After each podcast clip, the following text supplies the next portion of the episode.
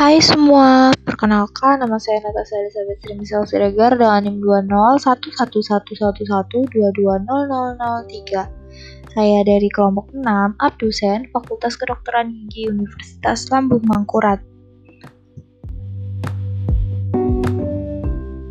Kali ini kita akan membahas tentang kewirausahaan. Langsung aja ya.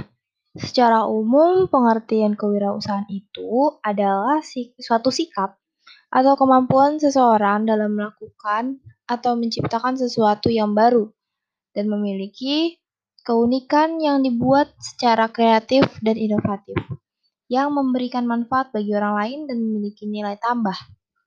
Sedangkan pengertian kewirausahaan menurut Wikipedia, kewirausahaan itu dalam bahasa Inggrisnya entrepreneurship atau proses mengidentifikasi mengembangkan dan membawa visi ke dalam kehidupan. Sebagai seorang yang akan memulai sebuah usaha, harus memiliki jiwa kewirausahaan. Karena dengan adanya jiwa kewirausahaan, usaha yang akan dijalankan diharapkan mendapatkan hasil yang memuaskan. Akan tetapi, jika suatu bisnis dijalankan tanpa memiliki jiwa kewirausahaan, maka bisnis tersebut tidak akan berkembang, bahkan mengalami kerugian.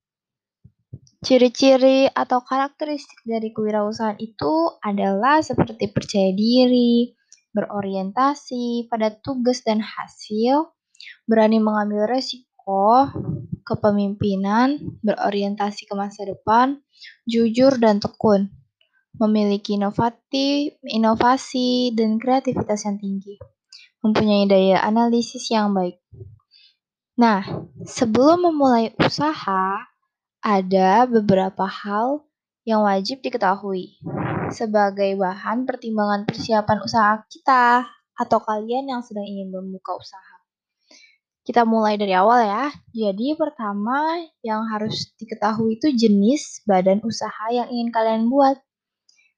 Karena ada banyak sekali jenis usaha dan kalian harus memilih tuh yang mana yang sesuai dengan situasi yang ada dan dengan passion Anda. Lalu yang kedua, ada kompetitor terbesar. Kita sebagai orang yang ingin membuka usaha harus tahu siapa aja kompetitor kita. Mengetahui ini adalah hal yang paling mendasar untuk mempelajari bagaimana mereka menjalankan bisnis dan hal apa saja yang bisa diambil dari kesuksesan dan kegagalan kompetitor kita. Banyak sekali cara untuk melakukan riset ini, antara lain seperti mencari narasumber lisan, atau mencari di Google, atau hingga mengikuti konferensi. Selain itu, kita juga bisa mencari tahu dari supplier kita. Supplier, eh, misalnya kita membuka usaha itu berdagang. Mungkin dari tempat kita produk.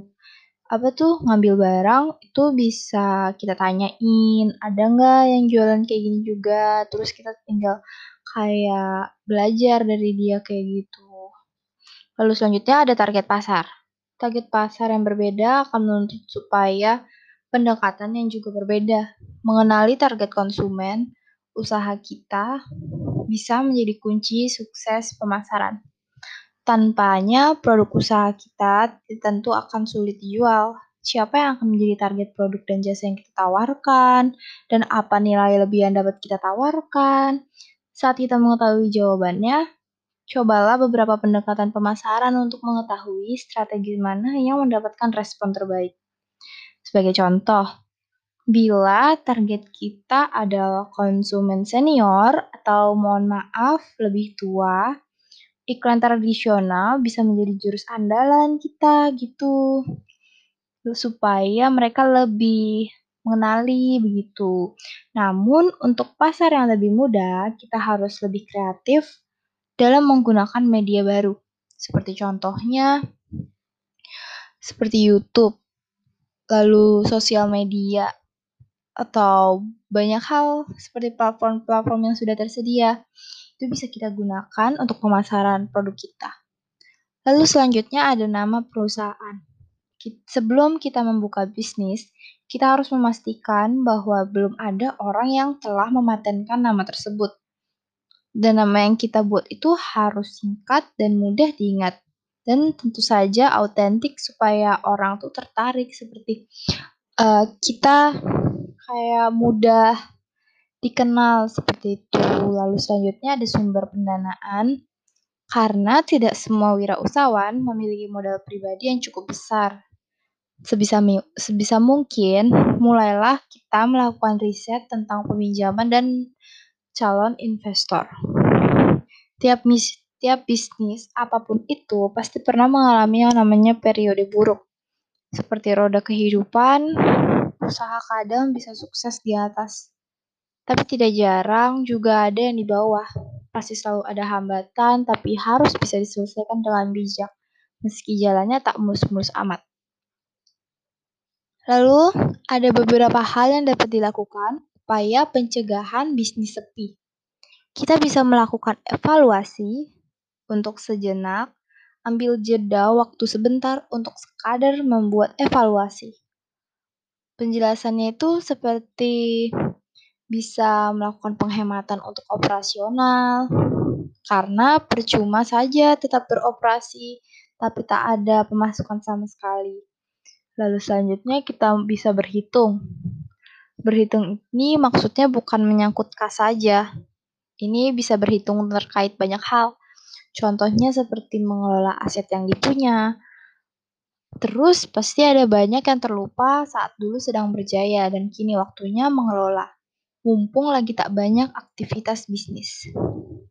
Mengelola suatu bisnis bisa dimulai dengan menghitung beban biaya yang harus dikeluarkan. Ini termasuk seperti jatuh tempo, gaji pegawai, tanggungan listrik, sewa lokasi. Hal semacam ini harus mulai dihitung supaya bisnis tak makin terpuruk. Lalu selanjutnya ada ubah strategi. Kemungkinan penyebab usaha sepi yaitu strategi monoton dan usang. Pasar sudah tumbuh dan berubah. Karena waktu sangat cepat berlalu, sudah seharusnya strategi yang dipakai juga harus diubah. Strategi pemasaran itu harus fleksibel, artinya bisa sesuai tuntutan selera konsumen yang kerap berubah cepat.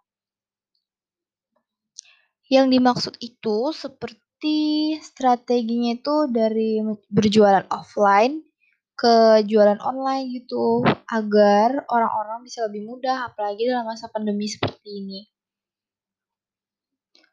Lalu selanjutnya ada membangun relasi. Penting untuk membangun relasi dalam bisnis dengan siapa saja karena selain memberi perbandingan antara metode bisnis yang dipakai tapi juga bisa memberi pengaruh banyak terkait selama pemasaran. Seperti untuk sekelas perusahaan, membangun relasi bisnis dengan konsumen itu wajib. Karena konsumen itu mungkin aja nggak membeli lagi, membeli lagi, tetapi kita bisa membuat kenangan di ingatan konsumen. Jadi siapa tahu mereka akan membeli lagi karena teringat. Lalu selanjutnya ada inovasi. Inilah yang selalu didengungkan banyak pakar usaha, inovasi. Memang benar, tanpa ada inovasi, suatu bisnis bisa saja sepi, karena tak punya banyak hal yang baru yang bisa ditawarkan. Inovasi ini bisa saja seperti merambah dunia online dengan memakai website, atau misal dengan mengembangkan produk baru yang sesuai zaman. Lalu selanjutnya ada company profile. Company profile ini adalah perkenalan pada pasar dengan cara yang lebih ramah, dengan mengadakan event atau promo. Lalu selanjutnya ada berhemat, ada kejar piutang, dan kembangkan ide baru. Dan bisa juga gabung online. Lalu sudah cukup panjangnya teman-teman kita membahas kewirausahaan ini. Bagi teman-teman yang baru membuka usaha dan bisnisnya, semangat ya. Rezeki udah diatur sama yang di atas kok. Jadi harus dibarengi dengan kerja keras juga. Sampai di sini podcast keempat ini. Terima kasih semuanya sudah mendengarkan. See you on next podcast. Bye.